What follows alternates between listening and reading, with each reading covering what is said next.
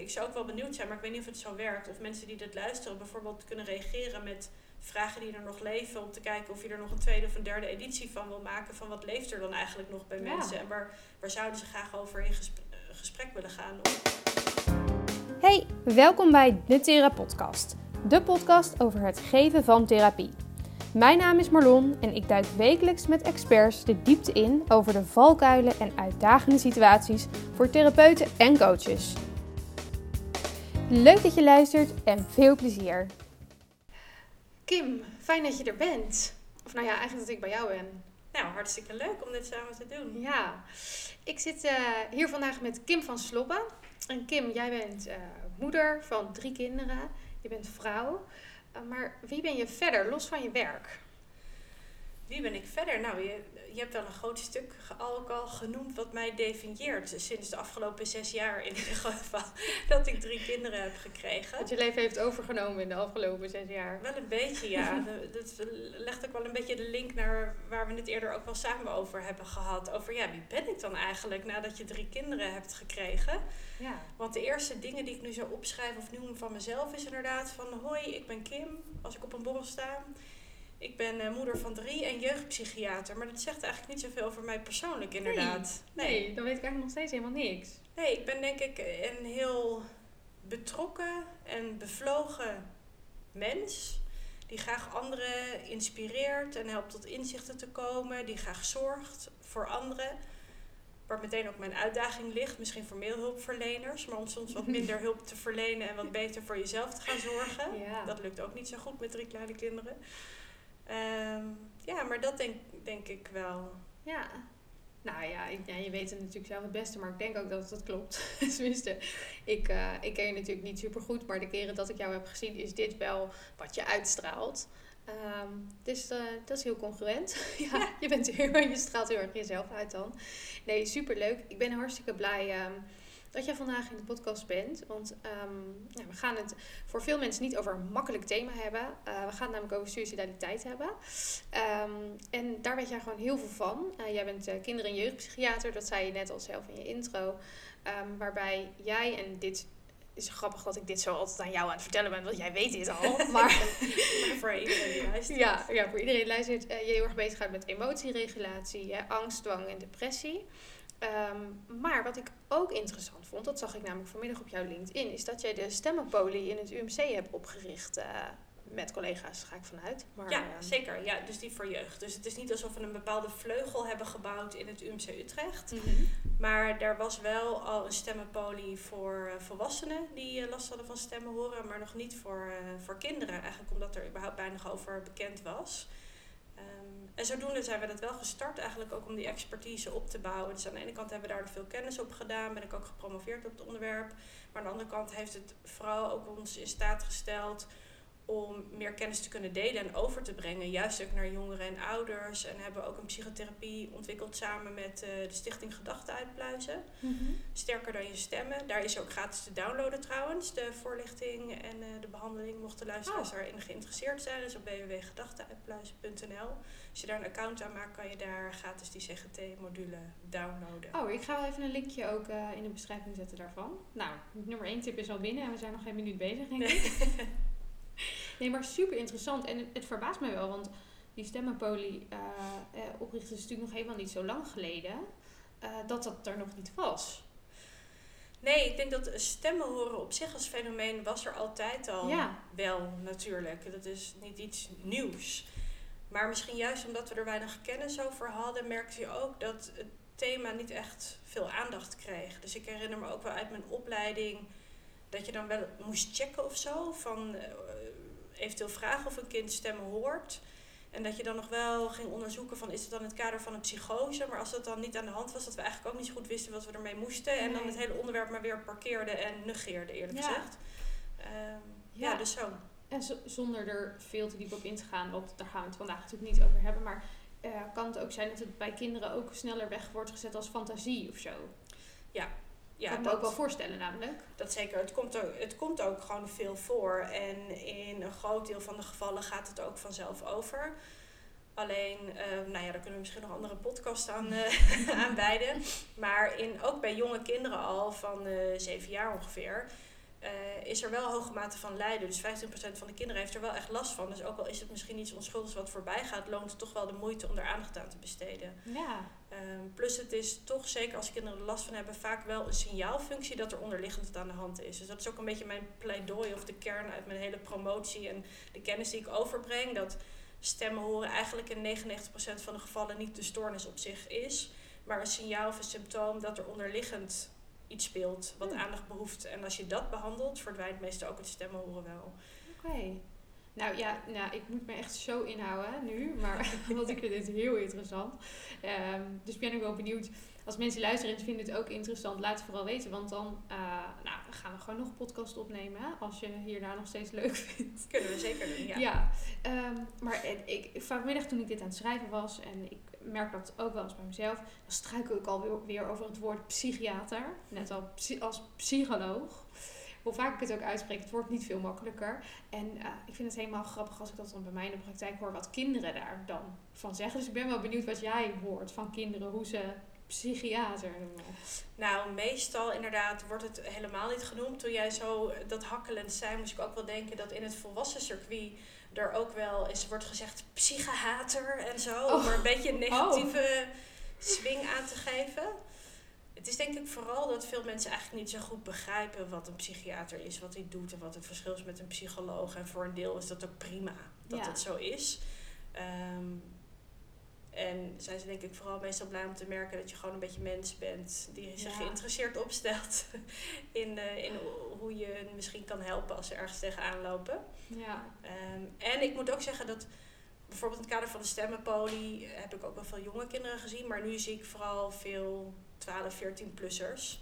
Uh, dus die zijn dan al iets bekender met het woord en het concept. Misschien worden de P en de S nog wel veel omgebruikt. Ja. Spigiater of zo, dat, uh, een spigoloog. Of zo. Ja, en nou, daar moet ik misschien ook nog eens bij zeggen dat met de doelgroep waarmee ik werk er ook wel veel hospitalisatie is. Dus de meesten weten heel goed wat een psychiater is en oh. hoe je dat moet uitspreken en schrijven. Misschien zelfs wel iets te goed. Ja, precies. Ja, Dus ook, dat is ook weer de andere kant. Ja. Oké, oké. Hey, um, ik had bedacht dat uh, de psychiatrie en de hulpverlening over het algemeen bevat natuurlijk best wel veel moeilijke woorden. Vaak uh, lekker veel jargon vaak.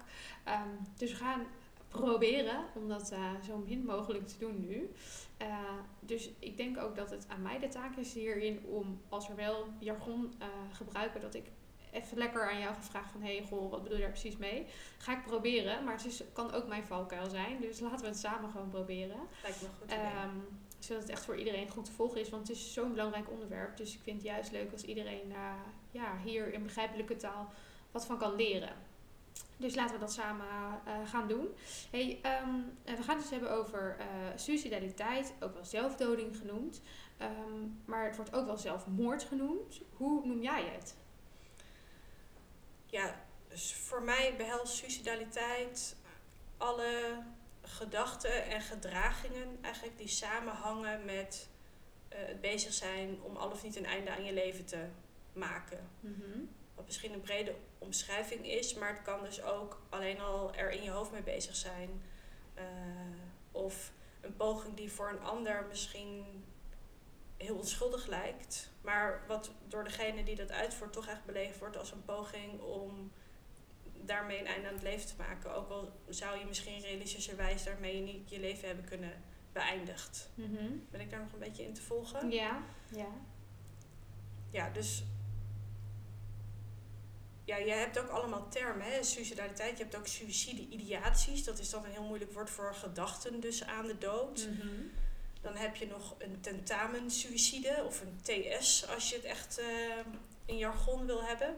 Dat is dus een poging tot zelfmoord. Of dus het einde aan het eigen leven maken. Uh, maar zo, dat geeft al wel een beetje weer dat het dus ja, kan variëren van er in gedachten mee bezig zijn tot ook daadwerkelijk overgaan tot handelingen. Mhm. En soms is het ook nog zo dat het bijvoorbeeld heel impulsief was. Dus dat iemand daar niet eindeloos eerst over heeft zitten nadenken of en hoe die dat dan zou doen. Maar dat het je bijna een beetje is overkomen dat het gebeurde. Ja, ja. En, en zeg jij dan, als je bijvoorbeeld uh, met cliënten spreekt, uh, zeg je dan zelfmoord, zelfdoding of suïcide? Um, zelfmoord merk ik van niet. Nee. Omdat het toch een beetje hard, bijna een beetje bruut of zo Ja. klinkt. Ja, Terwijl het een heel genuanceerd, veelzijdig thema is. ja, Ehm, omdat suicidaliteit niet altijd staat voor een concrete wens echt om dood te willen. Een, vol, een voldongen feit dat iemand dood wil. Mhm. Kan er dus ook over gaan dat iemand zo klem zit dat hij zich op dat moment geen raad meer weet. En soms kan het dan juist goed zijn om iemand een beetje wakker te schudden. Van ja, maar dit is dus een zelfmoordpoging. Maar dan heb je die woorden wel echt, denk ik, op die manier gekozen om dat zo ja. in te zetten. Ja, dus je spreekt het dan meer uit als interventie. Ja. In plaats van dat dat jouw eh, term is voor... Ja. Ja, Maar ik heb het wel meer over gedachten aan de dood of, een- of proberen een einde aan je leven te maken. Juist omdat ik dit hele gehospitaliseer en verval in vakjargon zelf ook een beetje probeer te voorkomen. Ook omdat het op een bepaalde manier ook anders de lading er juist weer te veel afhaalt. Omdat suïcide of suicidaliteit is niet echt een eng woord. Terwijl gedachten aan de dood en het woord dood wel wat echter en concreter en voelbaarder is. Vind ik zelf dan in ieder geval. ik vind het inderdaad op die manier eh, ja, ook zachter klinken. Nog. Ja, het, is bijna, het kan bijna een beetje vermijdend zijn om het een TS of suicidaliteit te Ja. noemen. Wij snappen als hulpverleners wel waar het dan over gaat. Maar je gaat ook een beetje voorbij aan de ernst ervan. Ongeacht hoe groot een poging of een gedachte ook is. Ja, vind ik zeker inderdaad met, met TS. Dan merk ik dat ook bij mezelf. Ik denk, ja, Ja. laten we het Gewoon heel hebben. klinisch en Ja. zakelijk of zo. In Ja. plaats van dat... Ja, of die poging nou wel of niet ernstig was. Het is wel een heel belangrijk ernstig signaal. In welke vorm dan ook. Dus Ja. dan is het risico dat je een beetje verzakelijkt door het zo op die manier Ja. steeds te benoemen en te beschrijven. Ja, goed om je daar bewust van te zijn. Ja, ja. Hey, ehm, je, je noemde net al eh, gedachten aan de dood, hè, noemde je het heel mooi. En eh, daarmee komen we heel mooi op de eerste stelling. En de stelling is namelijk, iedereen denkt wel eens aan doodgaan of dood zijn. Ja, ik denk, ik denk wel dat dat zou kunnen kloppen. Dat in welke vorm dan ook. Dat de dood ons bezighoudt. In de normale ontwikkeling als kind zijn die in bepaalde fasen in het leven. Zo rond de kleuterleeftijd. En later ook weer een beetje rond je tussen je achtste en je tiende. Waarin angstproblematiek sowieso wat sterker kan zijn. Ook omdat het ook gezond is. Zijn kinderen ook bezig met de dood en doodgaan. En worden zich ineens bewust van het feit dat iemand doodgaat. Zoals wanneer een familielid doodgaat. Ja, Dus in die zin denk ik dat ieder mens, dat het bijna inherent is aan het leven om ook bezig te zijn met de dood. Of je ook bewust te zijn dat het leven eindig is. en als je hem dan doorvertaalt in iedereen denkt wel eens van, nou als ik dood was was het veel makkelijker. Dat denk ik eh, niet. Dat dat voor iedereen zo geldt. Dat is toch al wel weer een echt wel grotere, ernstigere gedachte of zo. Kijk, het Mhm. komt wel veel voor. Kijk, ik heb nu even de exacte cijfers niet paraat. Maar bijvoorbeeld 1 op de 4 jongeren heeft zich op enige moment in zijn puberteit wel beschadigd. Zonder Mhm. dat daar per se zelfmoordintenties achter zitten. Maar zo klem zitten dat je daar wel eens aan denkt, komt denk ik meer voor. Maar er wordt ook niet zo goed over gepraat. Er lijkt Nee. toch nog aan de ene kant een beetje een taboe op te liggen. Überhaupt om te praten over ons mentale welzijn. Zeker in de jeugd. Dus op het consultatiebureau zijn we nog steeds wel heel erg bezig met lengte en groei en plas en poep. Maar over of je kind wel eens somber of angstig is, wordt toch wat minder snel of makkelijk over gepraat. Ja, Ehm, maar het kan in bepaalde levensfasen met het risico dat ik me een beetje onhandig uitdruk, nu ook een beetje wel besmettelijk zijn. Omdat jongeren Ja. ook wel heel erg bezig zijn met wie ben ik, hoe verhoud ik me ten opzichte van de ander. Mhm. En als jongeren dan ook wat vastzitten daarin en in, ook in negatieve gevoelens, kan er ook iets ontstaan van blijkbaar doe je er pas toe als je bezig bent met de dood. Blijkbaar is het pas ernstig genoeg als je bezig bent met de dood. Juist omdat het referentiekader ook een beetje mist. Dus dat Ja. is de andere kant ervan. ja. Waarom het Ja. misschien ook wel weer gezond is dat het niet een super open besproken onderwerp is. Nou ja, en ik denk ook ergens dat het ook eh, soms eh, een taboe is bijna om het aan jezelf toe te geven. Hè? Want ik, ik heb wel eens gehad, ehm, zeker in mijn puberteit had ik dat bijvoorbeeld wel eens. ehm, dat had ik heel erg ruzie met vriendinnen. Of dan zat ik voor mijn gevoel, op voor mijn wereld op dat moment, nou, dan klopt het van geen kant meer. En ik zat vast. En ik wist niet meer hoe ik de volgende dag eigenlijk naar school moest gaan. Want ik had allemaal ruzie. En bij wie moest ik dan zitten in de pauze? Weet je wel, zo'n probleem bijvoorbeeld. En dat je dan als puber wel eens denkt... Nou, uh, als ik nu dood zou zijn, dan had ik dit allemaal niet meer... Uh, had ik al deze problemen niet. Zonder dat ik echt dood wilde. Dat heb ik niet gehad. Um, en ik was ook helemaal niet ongelukkig of depressief. Maar gewoon puur zo'n korte gedachte. En die is daarna ook alweer weg. Ja, en ik denk ook wel dat best wel veel mensen zich erin zullen herkennen dat je op enig moment in je leven best een keer erover nadenkt van wie zou me eigenlijk missen als ik dood ben? Of hoe zouden mensen reageren als ik dood ben? Wie zou er op mijn begrafenis komen? Ja. Dus dat in die zin de dood op verschillende momenten wel een beetje een thema is om je referentiekader weer een beetje te stellen. Dus door bijvoorbeeld voor jou kan ik me voorstellen, dat zal niet op zo'n bewust niveau gaan. Maar juist door het even te denken kan je ook ervaren van nou ja, jeetje, zo erg is het ook weer niet. Ik hoef nou, niet dat, inderdaad. Het is een soort ook relativerings mechanisme misschien. Door te denken, oké, ja, mijn wereld is echt niet zo dramatisch. Maar um, ik kan me wel voorstellen dat als ik dat bijvoorbeeld hardop zou uitspreken, dat mijn moeder op zo'n moment echt zou denken, oh my god, dit is niet goed. We moeten hulp inschakelen. Terwijl dat misschien eigenlijk een, op die manier een hele normale gedachte kan zijn.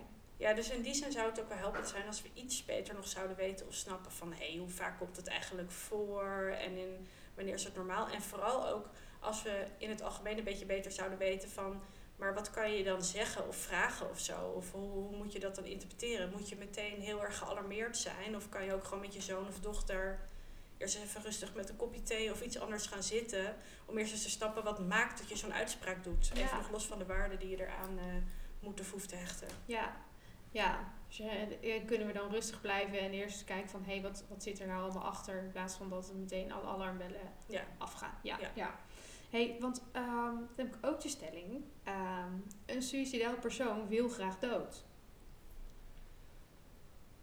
Ja, vaak niet, denk ik. Mm Ik bedoel, deels uit de ervaring, niet zozeer uh, persoonlijk, alhoewel ik ook ooit wel eens zo'n gedachte heb uh, gehad. Um, maar ook vooral vanuit mijn werk wat de, de uitspraak niet minder serieus maakt, maar vaker gaat het over een heel erg klem zitten, geen andere uitweg weten, om in de, ja, ik zou het woord manipuleren echt ten alle tijden willen vermijden bij dit thema, omdat nooit, bijna nooit iemand bewust daarmee hmm. iets wil bewerkstelligen of manipuleren, maar blijkbaar er geen andere manier is om je uit te drukken dan op die manier. Het is onmacht eigenlijk. Ja. Ja. En dat het dus ook altijd belangrijk is en nodig en nuttig en helpend als iemand zo'n uitspraak doet, om dan te gaan snappen van hoe, wat, wat maakt dat iemand die uitspraak doet. Ja, ja. ja dus ja, iemand uh, die zegt dat hij dat, dat gaat doen, wil niet per definitie dood, maar dat betekent niet dat diegene geen hulp moet krijgen. Precies. Dat is eigenlijk wat we zeggen. Ja. ja, en dat er wel iets heel ernstig mogelijk aan de hand is. In de zin van niet eens ernstig ziek zijn, maar iets wat blijkbaar voor diegene zo belangrijk is dat je je gedreven voelt om dit te zeggen. En als je het verwaarloost, kan je ook niet zeggen dat niet iemand daartoe toch zou overgaan. Dus het feit dat iemand zich zo uit, is altijd wel, roept ook wel een bepaalde plicht op van diegene zelf deels, maar ook van de omgeving, om dan op zijn minst het samen te willen gaan begrijpen van waar staat het dan eigenlijk voor. Ja, ja en, en ergens uh, in mijn hoofd snap ik dit heel erg, maar ergens voel ik nu ook dat er toch een, een soort tegenstelling is met wat we net hebben besproken. Hè? Van iemand zegt dat en dat uh, hoeft niet eens wat te betekenen, want het kan een hele normale gedachte zijn. Uh, maar aan de andere kant zeggen we nu van hé, hey, maar iemand zegt dat en dat moeten we heel serieus nemen. Ja, omdat ik denk, want misschien dat we er dan uh, toch een beetje snel overheen gingen of sneller dan ik bedoelde. Ik denk, je kan zoiets pas weer aan de kant zetten als je eerst goed begrijpt waar het vandaan komt en waar het voor staat. En dan, hè, dus nee, niet meteen rode vlaggen uit en alarmbellen aan. Maar je moet het wel altijd serieus nemen en goed begrijpen van waar staat het voor en hoe schat ik dat risico dan in. Ja, ja. ja dus, dus niet zomaar aan de kant zetten, maar echt het gesprek erover ingaan. En als je het in perspectief kan plaatsen en denken, oh dat bedoelde je ermee, dan kan je het eventueel laten gaan als zijn hele normale gedachten. Die kunnen we allemaal wel eens hebben. Maar als iemand, uh, als je het gesprek aangaat en er zit echt een hulpvraag achter en iemand zegt eigenlijk een soort van, ik weet niet hoe ik hiermee om moet gaan. Ik zit zo klem dat dat mijn enige uitweg is en daarom zeg ik dat. Dan mag je het nooit negeren en dan is het echt een heel serieuze hulpvraag. Ja, En ook, ik moest zo even denken aan, de situatie in jouw puberteit, omdat ik denk dat best wel veel mensen dat zouden kunnen herkennen. Ik denk dat je het nooit verkeerd doet als ouder of als vriend of vriendin om dan naast iemand te gaan zitten, letterlijk en figuurlijk, en te zeggen: Hé hey meid, uh, wat een heftige uitspraak, wat zit je dwars? Dat je daarmee nooit echt de plank mislaat. Terwijl hij zegt, joh, eh, je bent 15, uh, je brein gaat gewoon nog alle kanten op en morgen is het weer anders. Ja, dat, daarmee maak je het misschien niet groter dan nodig is. Maar het risico is eerder dat iemand zich niet gehoord voelt. En dat het eerder de situatie wat erger maakt. Omdat iemand zich niet gehoord voelt. Op dat moment dat je dat zegt, voelt dat voor jou dus wel even zo. Ja, ja dat is zo. Ja, dus het nog steeds altijd serieus nemen. Dus de opmerking, maar op een andere, andere manier de, de alarmbellen inscha inschakelen, zeg maar. Ook weer het zien als een signaal van iets wat er blijkbaar onder ligt. Ja, ja, ja. Oké. Ehm, dus we hebben de stelling in die zin ontkracht. Uh, maar ook weer niet helemaal. het, is, het is altijd een beetje met kanttekeningen uh, natuurlijk. Um, en we, we, hadden het net ook al een beetje over, uh, of tenminste jij noemde net zelfbeschadiging, automutilatie in, in jargon, maar die probeer ik eruit te houden. Um, en de stelling is, zelfbeschadiging is een voorteken van suïcidale gedachten. Nou, dat kan, maar dat hoeft niet. Um, kijk, ook daar zijn wel cijfers over. Van mensen die zichzelf beschadigen, heeft zeg 80% op dat moment geen gedachte aan de dood of geen gedachte aan de dood gehad. Maar 30% van de mensen die zichzelf beschadigt, heeft ook wel structureel wel eens gedachten aan de dood. Mm Dus het hoeft niet met elkaar samen te hangen, maar het kan wel met elkaar samenhangen. Ja. Wat misschien dat ik het een beetje onnodig ingewikkeld uitleg, dat bedoel ik dan niet. Maar het is niet, niet een 1 plus 1 is 2. Maar je, ja, ook dat is weer het goed willen begrijpen, naast iemand gaan zitten, letterlijk en figuurlijk, en uitvragen. Hè? Als iemand zichzelf beschadigt, zou ik dus wel ook altijd vragen naar: van goh, heb je dan ook gedachten aan de dood? En als die er niet zijn, hoef je en niet bang te zijn dat je daar een zaadje mee geplant hebt omdat je ernaar gevraagd hebt. Ik denk dat het altijd helpender is dat iemand weet dat het onderwerp bespreekbaar is dan het risico dat je eh, iemand op een idee brengt. Dat iemand denkt, oh, dat is een goed idee, heb ik nog nooit aan gedacht. Nou, ga ik nu doen. Ja, nee, ja.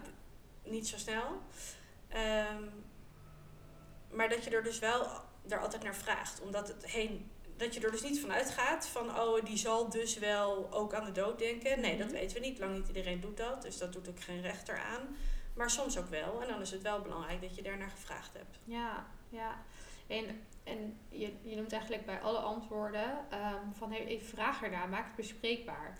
Um, ik kan me voorstellen dat het voor heel mensen, of voor heel mensen, dat is geen woord, voor veel mensen heel uh, lastig is om dit bespreekbaar te maken. Toch een beetje eng is. Ja, kan ik me ook wel voorstellen. Alhoewel ik zou, eh, als we dan toch over vakjargon hebben, beroepsgedeformeerd ben, dat ik, ik kan niet, ik zou niet meer dat uit kunnen zetten. Ik, ik kan er niet meer niet naar vragen. Nee. Maar ik kan me wel voorstellen als je niet zo goed weet wat je er dan vervolgens bijvoorbeeld mee kan, dat onbewuste neiging is om dan die deksel op dat potje te laten, omdat je niet weet of je hem er weer op krijgt als je eenmaal erover begint. Ja. Um, en wat ik bijvoorbeeld wel aardig vind, is dat dus 113 online um, gratis training aanbiedt aan mensen in het algemeen. Dus hoef je geen hulpverlener voor te zijn, om je wat mhm. meer bekwaam te voelen om die vragen te stellen, omdat je daarmee ook wat meer handvatten krijgt van maar hoe vraag je daar dan naar en wat ga je dan doen. En het gaat er niet over dat iedereen als een soort hulpverlener vervolgens dat hoeft op te kunnen lossen. Nee. Maar dat je het één, als je zoiets signaleert, dat je durft door te vragen. En twee, dat je iemand dan ook toeleidt naar bijvoorbeeld de huisarts of iets anders. Naar een professional die er wel over in gesprek kan gaan. Ja. Maar ik denk dus dat het gevoel dat je er vervolgens niet echt iets mee kan, maar wel zo'n beerput opentrekt, dat dat mensen bewust of onbewust weerhoudt om er naar te vragen. Ja, dat denk ik ook inderdaad. En, en dan plus datgene wat je net zei, hè, van uh, je bent bang om iemand op een idee te brengen. En die twee samen, uh, ja, dan kan ik me voorstellen dat dat, uh, dat dat mensen weerhoudt. En die training dus, zal ik ook even in de beschrijving zetten bij 113. Um, ehm, die, je zegt, het, zijn geen hulp, het is geen training speciaal voor hulpverleners, maar het is eigenlijk een training die mensen helpt om dat naast iemand te gaan zitten eigenlijk. En dat gesprek gewoon aan te gaan. Um, die daarbij helpt. Ja. Oké, ja, dit klinkt super mooi. Ik ga er ook zeker even naar kijken. Ehm, deze, ja, ik heb een stelling en ehm, ik vind het bijna lastig om uit te spreken. eh, omdat, nee, ik ga, dat ga ik ook niet, ik ga dat niet afklappen. Ik ga gewoon een stelling neergooien en ik ben heel benieuwd naar jouw reactie. Eh, zelfdoding is egoïstisch. Ja, ik, ik, ben even, ik moet hem even laten bezinken. Mhm. Kijk, ik noemde eerder al een keer aan je dat het is echt heel tegennatuurlijk om een einde aan je leven te maken, om dat echt te doen. Ehm, dus ja, de ervaring vanuit mijn vak is dat of iemand zo geen uitweg meer ziet en zo verlost wil raken van zijn eigen lijden, dat hij echt niet. Dat juist diegenen zo bezig zijn met de omgeving, dat dat ze ook weer houdt om een succesvolle poging te doen omdat ze elke keer in hun achterhoofd wel voelen en horen en weten hoeveel pijn ze anderen daarmee doen. En dat, dat het dus heel tegennatuurlijk is om jezelf van je leven te beroven. Mhm. Maar dat, ja, hoe heftig bijvoorbeeld ook de psychiatrische problematiek ook. Juist jongeren die bezig zijn met suicidaliteit zich heel bewust zijn dat ze anderen juist niet tot last willen zijn. Dat ze niet anderen schade willen berokkenen. Dus het is vaak juist vanuit heel erg bezig zijn met anderen dat de pogingen niet geslaagd zijn. Terwijl Ja. het juist omgekeerd vaak geïnterpreteerd wordt van wat Ja. manipulatief. Maar het is juist omdat ze die anderen uiteindelijk geen verdriet willen doen. Ja. En de andere kant is, een deel van de geslaagde zelfmoordpogingen zijn ook jongeren en volwassenen trouwens, die zo ernstig depressief zijn dat ze afgesloten zijn geraakt van al hun gevoel. Hun eigen gevoel, maar ook het gevoel naar de medemens. En gewoon oprecht dus een gevoelsleegte daarin hebben. En ze gewoon niet meer kunnen verplaatsen in wat het voor een ander doet, maar in een soort zwarte tunnel zitten. En op dat doel afstevenen. Ja. Dus die kunnen er op dat moment ook gewoon echt eh, niets aan doen. Nee, en ja, het is eerder het tegenovergestelde dat de meeste mensen die uiteindelijk een einde aan hun leven maken, die wilden juist hun omgeving van hun bestaan ontlasten. Ja.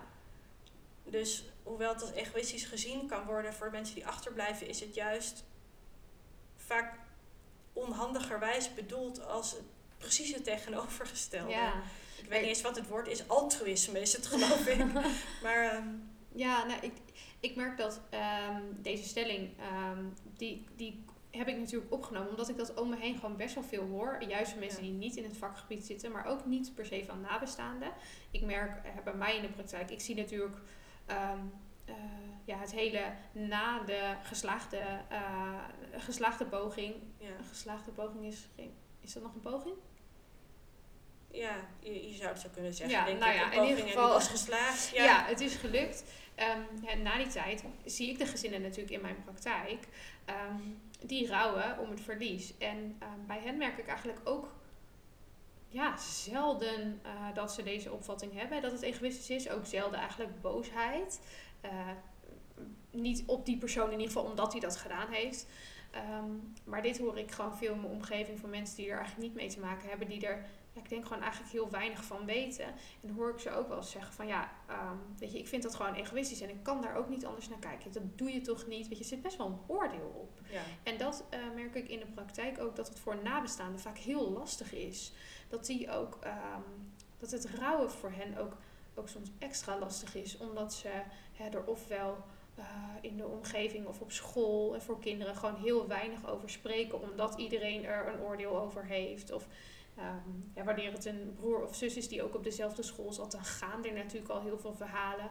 eh, andere verhalen eh, dan wanneer iemand overleden is aan bijvoorbeeld kanker. Hè, dan is er voor heel veel medelijden en iedereen vindt het zo erg. En met suïcide is het dan vaak toch een oordeel en er gaan roddels. En het is een heel, heel ander proces. Met kanker heeft iedereen heel veel empathie en erkenning voor de strijd die er is geleverd. En Ja. dat die uiteindelijk is gewonnen. Die, denk ik, in onze optiek ook in de psychische gezondheid of ongezondheid ook wordt geleverd. Maar die door de buitenwereld niet zo wordt gezien. Nee. Er wordt het meer gelabeld als een opgeven en Uh, nou ja, dat egoïsme. Ja. En ik denk dat het ook een hele sterke emotie dus bij mensen oproept, bewust of onbewust. En dat maakt ook dat ze dus minder goed kunnen nadenken en mentaliseren. En dan dus dit soort sterke oordelen hebben zonder dat ze het echt begrijpen. Ja, en in die zin komen we ook weer een beetje terug bij over die voorlichting. En dat ik daar misschien ook een beetje terughoudend over was. Maar dus ook weer niet. Je zou wel wat meer begrip en awareness willen creëren voor zowel de mensen om wie het ging die een geslaagd geslaagd gesuicideerd hebben, als inderdaad de nabestaanden over dat het vaak ook een enorme strijd en leidersweg is geweest. En nabestaanden vaker eerder zitten met het verdriet dat hun partner, ouder geen andere uitweg meer zag dan dit. Ja, ja, ja. er, gaan heel veel dingen uh, door mijn hoofd hier nu. Um, omdat ik, ik, ik, ik zei net al, ik heb op die manier in mijn praktijk ermee te maken. Um, ik heb ook, en dat is een beetje waar we het eerst over hadden, en um, waar denk ik veel van mijn collega's ook wel tegenaan lopen, ook cliënten die zeggen: uh, ik wil dood, of um, cliënten die uh, automutilatie doen, dus zelfverschadiging uh, doen, waarbij een ouder bijvoorbeeld is overleden. En ik zei het voor deze podcastopname, waren we wel een beetje aan het praten en zei ik al tegen jou van mijn cliënten die zeggen soms ook ik wil dood. En dan vraag ik dus door en dan zeg ik, vraag ik hoe dat zit. En dan zegt ze ja, ik, weet je, papa is dood. En als ik dood ben, dan ben ik weer bij papa. Ja. dus dat is in die zin, um, misschien is dit niet een handig woord om zeg maar een onschuldige uitspraak. Uh, waar helemaal geen echte doodswens achter zit.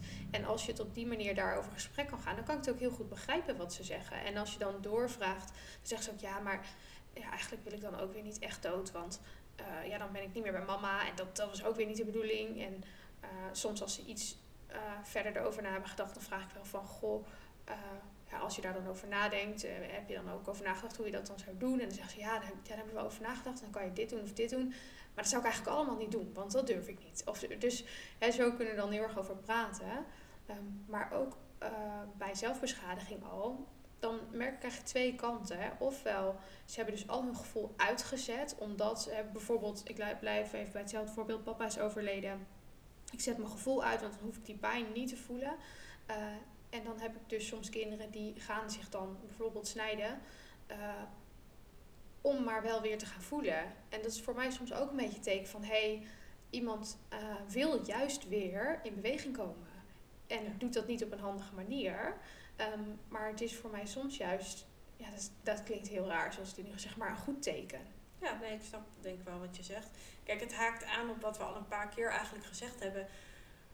Dat iets wat we dezelfde term aangeven, zoals gedachten aan de dood of suicidaliteit of automutilatie, dat klinkt alsof het één ding is. Maar er zit, het is bijna een containerbegrip geworden voor duizend en één dingen die daar aan ten grondslag kunnen liggen. Die maken dat iemand zich zo uit. Ja. Dus het benadrukt weer het belang om echt naast iemand te gaan staan of zitten. En te snappen waarom die persoon dat zegt. Waar staat het voor? Wat betekent het? Wat zou het dan oplossen? En vaak kom je inderdaad op uit dat iemand echt niet echt concreet dood wil, maar dus wel heel veel verdriet heeft of heel erg klem zit. Ja. En inderdaad, zelfbeschadiging op zich kan dus ook velelei functies hebben. En inderdaad zijn de geëikte wat iemand die niks meer voelt, die juist weer iets wil voelen. En dat is dan fysieke pijn. Of de emotionele pijn is zo sterk dat ze die vervangen met fysieke pijn. Want dat is beter te behapstukken en hebben ze meer controle over. Ja. Er kan ook vaak toch zelfstraffing bijspelen. Dat eh, kinderen, jongeren zichzelf toch, ook al weten ze dat het niet zo is, maar het gevoel hebben dat ze schuld hebben aan het overlijden van een ouder of een andere Mhm. situatie waar ze in zitten. Dus ook daar is het inderdaad heel goed om te snappen waar staat het voor. En kan het dus inderdaad ook juist een ingang zijn om iets positiefs bespreekbaar te maken, inderdaad. Want soms zijn ze zich helemaal niet meer bewust van dat ze al hun gevoel hebben uitgeschakeld en dat ze daarom niks meer voelen en dat proberen te vervangen met fysieke pijn. En om dan samen weer toe te gaan werken, ja, maar hoe kan je emotioneel weer wat gaan voelen zonder dat je de fysieke pijn daarvoor hoeft op te Ja. nekken? Ja. Ehm, gezien de tijd, baal ik al van, maar denk ik dat het goed is om nog even af te sluiten ehm, met. Nou, het is eigenlijk wel een soort van samenvatting van wat we net allemaal hebben besproken. Maar stel, ik, eh, ik ben therapeut en eh, mijn cliënt zegt dat hij dood wil. Eh, wat moet ik doen? Gaan bij mij alle alarmbellen af? Wat doe ik? Nou, mijn eerste impuls is hoe ik als therapeut reageer en zou reageren. Is gewoon zeggen, jeetje Marlon, als jij dat zou zeggen, Mhm. wat een heftige uitspraak. Wat maakt dat je dat zegt? Om op die manier gewoon en te valideren dat dat heel heftig is. Als je die uitspraak doet, nog los van of je het wil of niet, daar heb je dan gewoon geen oordeel of hè, daar verbind je niet meteen iets aan. Mhm. Maar om meteen wel het open te leggen om te willen gaan begrijpen samen waar dat dan voor staat. Omdat, ja, je kan, pas als je het begrijpt, kan je ook op een passende manier gaan reageren met woorden, maar ook met wel of niet behandelen, doorverwijzen of wat dan ook. Omdat ja, het, eh, totaal afhankelijk is van wat eronder ligt, wat iemand nodig heeft en wat helpend voor diegene gaat zijn. Ja, ja, En er is nog, volgens mij nog nooit iemand doodgegaan aan het gesprek erover aangaan. Dus je hoeft denk ik nooit bang te zijn. Het is eerder het negeren en vermijden ervan. Dat maakt dat iemand erover blijft vastzitten in zijn hoofd. En uiteindelijk geen andere uitweg eventueel meer zou zien dan dat. Ja. Dus het is per definitie helpend om te laten merken dat je er op zijn minst voor open staat om het gesprek aan te gaan. En je kan daar denk ik ook heel goed bij zeggen dat jij er misschien ook niet meteen het antwoord op hebt. Maar dat je in ieder geval luisterend oor kan bieden om samen te snappen waar het voor staat en samen te onderzoeken wat dan het meest helpend daarvoor is. Ja. ja, dus eigenlijk geef je daarmee aan. ehm, het, ik geef om je. Jij, jij zegt dit en ik vind dit belangrijk genoeg om er aandacht aan te geven. En wat je doet wanneer je misschien wel dichtklapt of eh, er er niet over praat of denkt, nou ik vermijd het. eh, dan geef je eigenlijk meer het signaal van hé, hey, het, ik vind het niet belangrijk genoeg om hier iets mee te doen. En diegene die het zegt, die kan zich misschien juist wel nog weer extra alleen voelen en gesterkt in de gedachte, maar er is toch niemand die om mij geeft. Ja. ja. En ook nog een scenario is dat iemand zelf bijvoorbeeld ook bang is dat hij gek is, dat hij die gedachte heeft. En als jij dan ook dichtklapt als therapeut, zal dat voor diegene een onbewust, onbewuste bevestiging kunnen zijn.